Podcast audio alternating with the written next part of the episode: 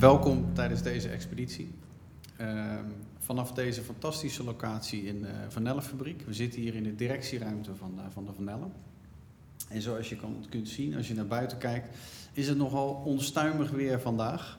En dat brengt me eigenlijk gelijk op de, op de eerste vraag voor jou. Hoe onstuimig is het uh, gesteld met de, ja, met de ICT-wereld op dit moment? Is het windstil? Stilte voor de storm? Waar, waar staan we ergens? Wat is jouw visie daarop? Ja. Nou, dat is een hele goede vraag. Want ik vergelijk het wel eens met een perfecte storm. Hè? Als je in het oog zit van die orkaan en je kijkt omhoog, ja, dan schijnt de zon en dan is het allemaal hartstikke rustig en windstil. Maar je moet maar even een meter opzij stappen en je wordt gegrepen en je wordt omhoog gegooid en je ligt eruit. En dan is het totale chaos. En dat is wat ik wel steeds meer zie, is dat waar voorheen iemand zei, ja, het is allemaal hetzelfde hè, en we doen wat we deden. En de ander zegt, nee hoor, het is chaos. Dan zie ik dat het gelijktijdig kan gebeuren. Ja. In beide gevallen is het zeg maar, mogelijk dat je daar terechtkomt. Hè. Je bent gewoon bezig met je werk en in één keer word je ingehaald. Ja, en dan zit je in die ja, perfecte storm, zou je kunnen zeggen. Ja, mooi. Mooi.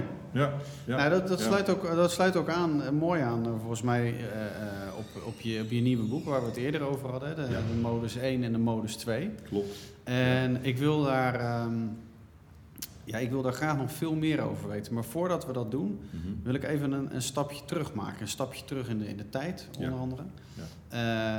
Eh, en ehm, ehm, wij kennen elkaar al wat, eh, wat langer. En wij, wij kennen elkaar ook voornamelijk vanuit, eh, ja, vanuit de demo-methodiek. Waar Ja. jij... eh, Je hebt bij in de klas gezeten, je hebt examen gedaan in Antwerpen, Danny. Dus eh, Dat klopt, hoe kan ja. ik mijn studenten iets weigeren? Ja, nou, ik, en, en, en sterker nog, ik heb, eh, ik heb examen bij jou gedaan. En, eh, en, en geslaagd overigens. Zegt er dat goed bij? Ja, absoluut. En Ja.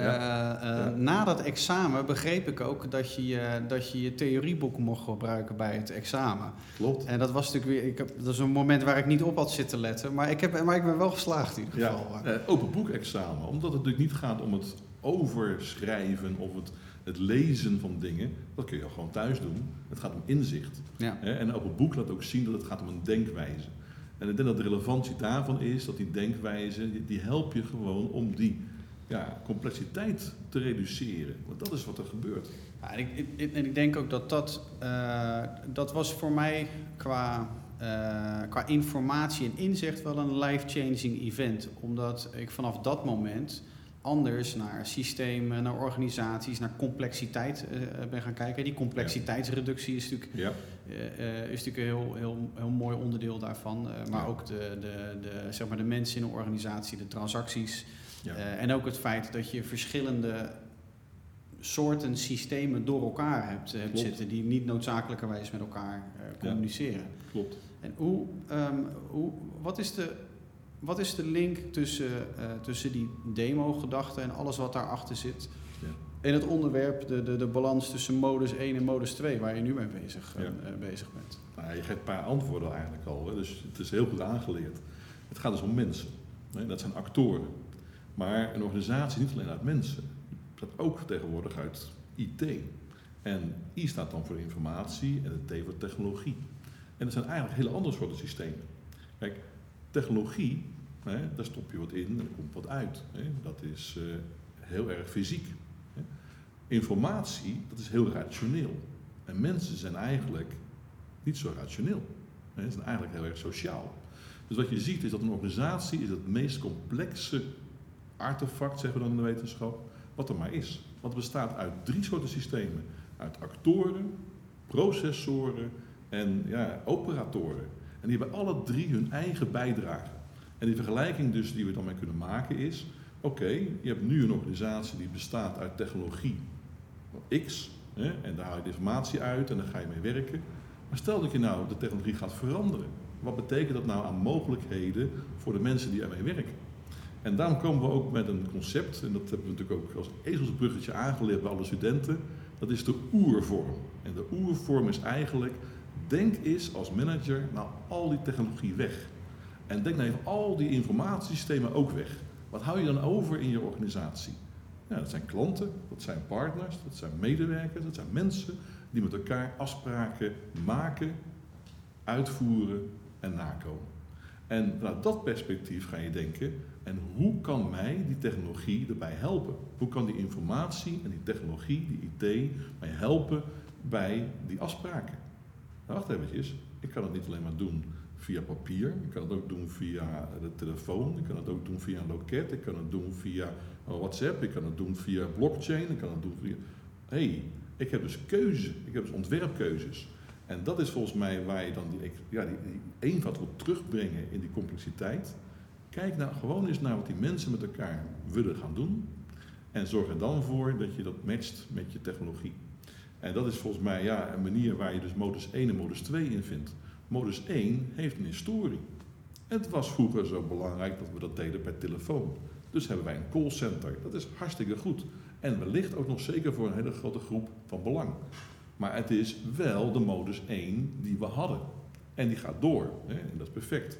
Maar sommige mensen zeggen, ja, is het nou een pre dat mensen twee uur in de wacht, moeten wachten tot ze geantwoord worden? Nee, dat moeten we korter gaan maken. Wij streven erna dat mensen binnen vijf minuten kunnen bellen.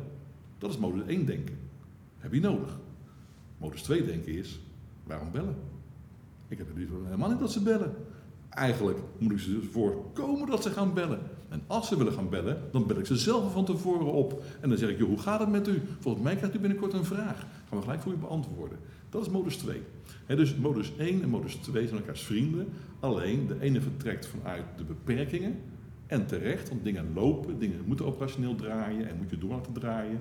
Modus 2 kijkt ja, naar onmogelijkheden, zo gezegd. En die twee gaan elkaar steeds meer vinden. Voorheen werd modus 2 gestopt in projecten. Dan had je de grootste mogelijke moeite om het weer terug te krijgen in modus 1. Want dat was er niet voor gemaakt natuurlijk. Ja, die adoptie loopt dan niet. Ik denk dat dat een van de, uh, een van de dingen is die ik het meest interessant vind in, in, aan de, de samenhang tussen modus 1 en modus 2. En ook dat, dat deel in, uh, binnen de demo, uh, demo-methodologie, die, die verschillende systemen die, die uh, al dan niet direct met elkaar communiceren, maar wel ja. een verband tussen is. Ja. wat is het uiteindelijk doel, Hans, zou je zeggen? Is het doel om volledig van modus 1 in modus 2 terechtkomen, of is het doel het te laten communiceren van die twee? Het is flow, hè? Dus je hebt eigenlijk je staande organisatie die dingen uitvoert, je hebt je veranderde organisatie die het wil verbeteren. En nu zijn ze het gescheiden werelden, maar eigenlijk moet je het dagelijks doen. Je moet eigenlijk dagelijks proberen jezelf te verbeteren. Ja, en dan krijg je de verandering in de flow. En dat zou dus ook het mooie zijn van die denkwijze, als die niet alleen maar beperkt wordt tot het ontwerpen, maar ook met het doen. Kijk nou ook gewoon, hoe werkt dat met mijn klant? Daar kan je veel van leren. En, oh, doe het anders, doe het dus zo. En, en je gaf in een eerder voorbeeld aan, uh, je beschreef dat als een, als een tafel waar, waar meerdere uh, inzichten, vakgebieden, meerdere data-inzichten ook, uh, ook, ook, ook een, een, een zetel ja. nemen. Klopt. Zodat er een betere beslissing genomen kan worden. Klopt. En, en we hadden het eerder ook over het managen van die tafel. Hè? Wie managt nou die tafel? Ja. En uh, uh, zit daar wat jou betreft de, de, de sleutel tot, tot die, die, dat samenkomen van die modus 1 of 2? Of zit die ook in het, in, zeg maar, in het dagelijkse werk, in de, in de dag zelf? Ja, in de meest simpele vorm zou je kunnen zeggen, je hebt vertegenwoordigers van modus 1, hè, zoals de afdeling IT, die moet het systeem laten draaien. En je hebt vertegenwoordigers van modus 2, de innovatiemanager die het dan wil. Maar inherent leven we natuurlijk in diezelfde wereld. Dus zou je het eigenlijk moeten hebben in één hoofd. Mensen zouden zelf moeten kunnen kijken, wat doe ik nu, wat kan ik vandaag doen en wat kan ik morgen doen. En hoe kan ik morgen me daarin toch zelfs onderscheiden en kan meteen verbeteren. Dus dat zou een competentie moeten zijn, anders dan dat het een project is. Het zou een competentie moeten zijn, anders dan dat het een afdeling is die ervoor zorgt. Hè? Wij zijn een afdeling innovatie. Hm, wat bijzonder dan, denk ik dan, want de rest innoveert zeker dan niet. Hè? En voordien heb je dan ook de overdracht die je met je meeneemt. Het zou een competentie moeten zijn. En zo'n flowteam waar we over praten, ja, die krijgt andere rollen. Hè? Uh, die heeft een producer, die zegt, joh, ik moet iets produceren. En die heeft flowteam members. En die dus met elkaar samen uh, die klus per dag eigenlijk gaan doen. Het is zo bijzonder hè, dat we dus proberen de toekomst te begrijpen, daar hele grote plannen op zetten en dan gaan terugredeneren of dat vandaag gaat gebeuren. Nou, dat is een bewegend doel. dus je moet ook de beweging hebben in je eigen ontwikkeling. Ja. En ik zie er echt wel een, een nieuwe trend ontstaan dat uh, we vanuit de eerste generatie hadden we helemaal geen projectaanpak. Hè, dat was de JBF-periode, de Jan Boerenfluitjesmethode, mijn initialen trouwens. en vervolgens zie je dus in de jaren 70, ja, dat kan niet zo doorgaan. Dat moeten we meer in projectvormen gaan doen. We moeten van tevoren weten wat we gaan doen. Dat is hartstikke belangrijk. En dat heeft heel veel projecten trouwens op de rails gehouden. Tegenwoordig zeggen we, ja, waterval niet goed. Nou, ik denk dat dat echt wel zijn bijdrage heeft gehad. Maar ja, naarmate de wereld meer verandert, kan je van tevoren niet meer voorspellen. Dus moet je dus mee. Maak je het kleiner. Ga je naar zes weken, hè, hopelijk. Nu de wereld nog sneller gaat, is het niet logisch om die projecten van Agile nog groter te maken. Die moeten nog kleiner. Dus je moet eigenlijk naar microprojecten. Eigenlijk moet je naar projectloos. Eigenlijk moet je zeggen, het is elke dag een verandering die we gaan doen. Maar wel een verandering die we kunnen behappen en die we in productie kunnen nemen. Heel eerlijk gesteld was het vroeger ook zo. In de tijd dat mijn vader begon met automatisering, hadden ze één computer. En die werd gebruikt om te ontwikkelen, om te testen en in productie te gaan. Dus dat betekende dat, ja, niet overdag natuurlijk ontwikkelen en testen, want dat kan niet meer in productie. Dus als iedereen zijn werk had gedaan, dan gingen zij coderen, hè, kijken of het werkt. Met een beetje mazzel kon het door. En s'morgens om vijf uur, groen licht, we hebben een nieuwe versie. In de jaren 70 hadden ze elke dag verse code. Elke dag hadden ze een nieuwe stap gemaakt. Kijk, eigenlijk wil je weer terug naar die tijd. Je zegt, oh, dit wil ik eigenlijk wel willen wensen. Kan dat? Je hoort op morgenochtend. Dat zou natuurlijk heel mooi zijn natuurlijk. Maar dat betekent wel dat natuurlijk de manier van werken niet meer in afzonderlijke projecten kan gaan. Die overheid is te groot. En, en Hans, zie jij dan ehm, die flow die je beschrijft, hè, als die, die, die, zeg maar die vloeiende beweging tussen, tussen modus 1 en 2. Ja. Ja. Ehm, ja. Zie je dat als een, als een doorontwikkeling van, van, uh, van de agile methodiek die je, nu, uh, die je nu ziet, een soort meer een volwassen vorm daarvan, of is het echt een, een andere richting? Nou, ik denk dat je echt ook kan zeggen dat je altijd op de schouders van anderen staat. Hè? Zoals agile ook niet helemaal los begonnen. Hè? Agile is natuurlijk gaan nadenken over waarom die grote projecten nou falen, omdat die mensen natuurlijk met elkaar moeten communiceren. In de eerste jaren werd er niet over agile gesproken, maar over lean. Het waren lean projecten, hè? klein en afgeslankt en noem maar op. Dus agile heeft weer geleerd van haar voorganger, waterval. En natuurlijk zullen we nu kunnen zeggen, de goede dingen van agile, die behoud je. En wat was zo goed aan agile? Dat je een klant had. Niet alleen maar aan het eind van de rit je zegt, joh, dit is het. Nee, een klant had aan het begin van de rit. Soms zie je dat er nu verdwijnen een beetje, hè, omdat het lastig is. Maar als je de mensen hebt die erin werken, meeneemt in die ontwikkeling, dat is Agile natuurlijk voeten uit. Dat is de integrativiteit. Uh, Agile is ook in gebruik nemen. Ik zie heel veel projecten die zeggen, Agile, over twee jaar kun je live. Nou, dat is een beetje raar, denk ik dan. Dat zou eigenlijk toch wel eerder kunnen. Ja. Dus als die concepten meegenomen worden, absoluut. Maar het blijft bij Agile een project. En wat wij nu stellen is, ja, dat doe je voor een aantal zaken zeker. Maar voor het werk wat je doet, dagdagelijks, met je klanten en je producten, daar is Agile waarschijnlijk dan niet de juiste aangewezen weg voor. Want elke keer heb je overdracht, je hebt een project overhead en je hebt een staande organisatie overhead. En die is ook met managers en met lijnen. Die manager en lijnen trouwens, die waren vroeger heel erg operationeel. Maar als ik nu kijk in organisaties, zeer ervaren mensen, hoog opgeleid, dat zijn kenniswerkers geworden. Het zijn niet meer de productiemedewerkers die er staan en ook niet meer de informatiemedewerkers. Het zijn de kenniswerkers zelf. Dus als de medewerker in zijn staande organisatie kan veranderen, dan reduceert je overhead naar 20%. Dat betekent dat je al je projectoverhead kwijt bent. Dus dit is echt een enorme versnelling en besparing als het gaat om, kan ik ook veranderen zonder projecten. Ja, ja. Dat is geweldig natuurlijk. Ja, maar hoe zorg je dat je dan richting kan blijven houden? Zo'n project is natuurlijk, het voordeel van een project is, je hebt heel duidelijk een, een, doel waar je naartoe gaat. Ja, ja. En als je, als je met de dag straks bezig gaat, dan hoe voorkom je dat, je dat je vandaag naar links loopt en, en morgen naar, naar rechts loopt? En aan de andere kant is het, is het erg om geen richting te hebben. Absoluut mee eens. Ik denk dat je enerzijds moet kunnen zeggen, je moet leren lopen. Hè, en om te leren lopen moet je eens kruipen en vallen en opstaan. Maar het is een linkerbeen, rechterbeen verhaal. Dus waar het nadeel van sommige projecten is dat ze de operatie ingaan en het grotere plaatje vergeten, is het dus van groot belang dat je zowel kijkt naar waar staan we in het grotere geheel en waar staan we in de operatie en die verandering. En dus als je dus zegt, oké, we gaan op flowbasis elke dag verbeteren, dan is de vraag niet alleen maar of dat voor die ene persoon helpt. De vraag daarbij gelijk is, is het schaalbaar? En schaalbaar meet je af dus aan je grotere plaatje. Eigenlijk is het al erg oud. Hè? Ik geloof dat in de jaren 70 Minsberg al gekomen is met emergent strategies, opkomende strategieën. Die zegt, je hebt een geplande strategie en dat lukt niet altijd. Die faalt wel eens. En vervolgens doen we het nog een keertje. Ja, want die hebben we niet begrepen. Doen het nog een keertje. Sommige mensen, ik heb er geen vertrouwen meer in, want het werkt helemaal niet. Nee, doen het dan wel op een eigen manier.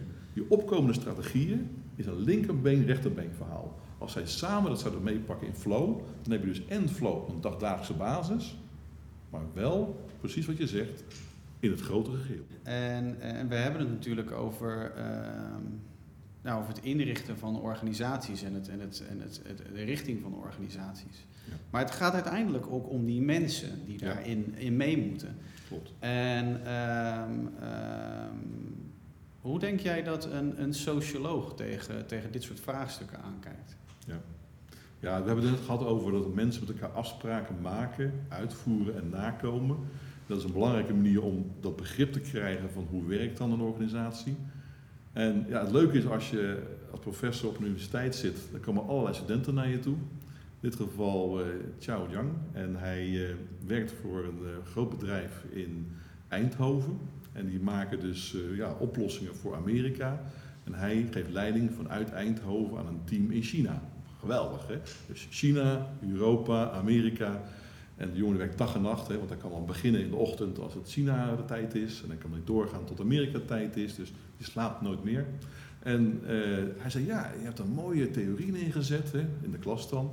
over dat mensen van tevoren iets beloven en dan iets verzoeken, beloven. En dan gaan ze het uitvoeren en dan verklaren ze dat en dan aanvaarden ze dat. Hij zegt, maar zo weet dat niet in China. Ik zeg, leg eens uit. Ik zeg, ik ben heel benieuwd.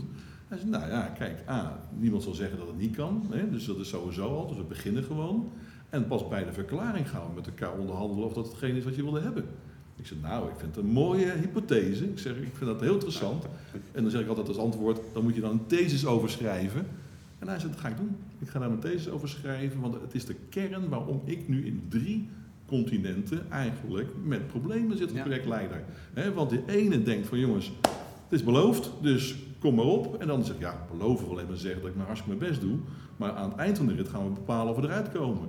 En ze de Amerikanen, het duurt alles te lang. Dus hij zegt, dit is voor mij de kern van het verhaal, als ik dat kan overbrengen.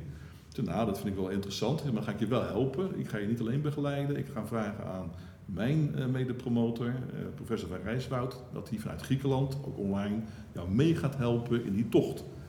En ja, wonder boven wonder blijkt Max Weber, en iedereen kent hem natuurlijk van bureaucratie, een boek geschreven te hebben over de Chinese cultuur. En die zegt, joh, die Chinezen hebben natuurlijk een andere achtergrond dan wij hier. Wij hebben hier een man, een man, een woord, een woord, heel rationeel, we hebben de verlichting. Daar hebben ze respect voor elkaar. Daar hebben ze het ook dat ze niet weten wat de uitkomst kan zijn van dingen. Dat is van tevoren niet in te eh, schatten. Dan moet je dus ook met elkaar uit willen komen. Is het ene minder dan het ander? Absoluut niet. Is het anders? Denk het wel. en dus je merkt hè, dus dat een cultuur is een groot goed. En sommige mensen schrijven er boeken over, die heten uh, I'm surrounded by idiots. Omdat je niet begrijpt hoe die ander denkt en werkt. En dat is denk ik een belangrijk punt, is dat we proberen te moeten erkennen dat cultuur is natuurlijk een kleur. En die is soms heel herkenbaar voor ons. Dan zijn we bijna ja, het idee dat is hoe we met elkaar zouden kunnen samenwerken. En soms begrijpen we dat niet. En als je dat meeneemt, ja, dan gaat het weer om mensen, mensen en mensen. Als dat er is, ja, dan kom je tot grootste dingen. Ja, fantastisch. Mooi, mooi verhaal. dat is echt gebeurd. Ik, uh, ik, ik, ik wil je nog heel graag één vraag stellen, uh, Hans. En dat is, uh, wij, wij delen volgens mij een fascinatie voor dingen die, die misgaan, mislopen. Daar, daar kunnen wij toch al beide van, van genieten. Maar niet, niet van wij, vanuit een soort nee. leedvermaak ook, oogpunt, maar wel vanuit een verbetering. Hè? Dat, Klopt. Ik weet nog dat ik als kind het geweldig vond om. Uh, mijn moeder die, die kan dan vertellen dat ik op vierjarige leeftijd ineens dat ze met mij met een schroevendraaier zag lopen. En dan dat ik een of andere uh, auto uit elkaar aan het slopen was, die je vervolgens nooit meer in elkaar kreeg. Maar uh, ja. die fascinatie heb ik altijd gehad om dingen ja. beter te maken, bleek, bleek achteraf. Absoluut. En um, om, ik, ik, ik, zou het mooi vinden als we deze, deze, als we deze expeditie af kunnen ronden met een aantal nou, met een aantal leerpunten. Dus, dus wat zie jij nou vooral misgaan in de praktijk? Ja. En wat kan iemand nou doen om dat te voorkomen of te verbeteren? Ja. Kijk, het heeft wel te maken met dat falen mag. En dat heeft ermee te maken dat falen, ja, dat is bij ons in de cultuur waar we het net over hadden, soms heel negatief. Je hebt gefaald. Hè?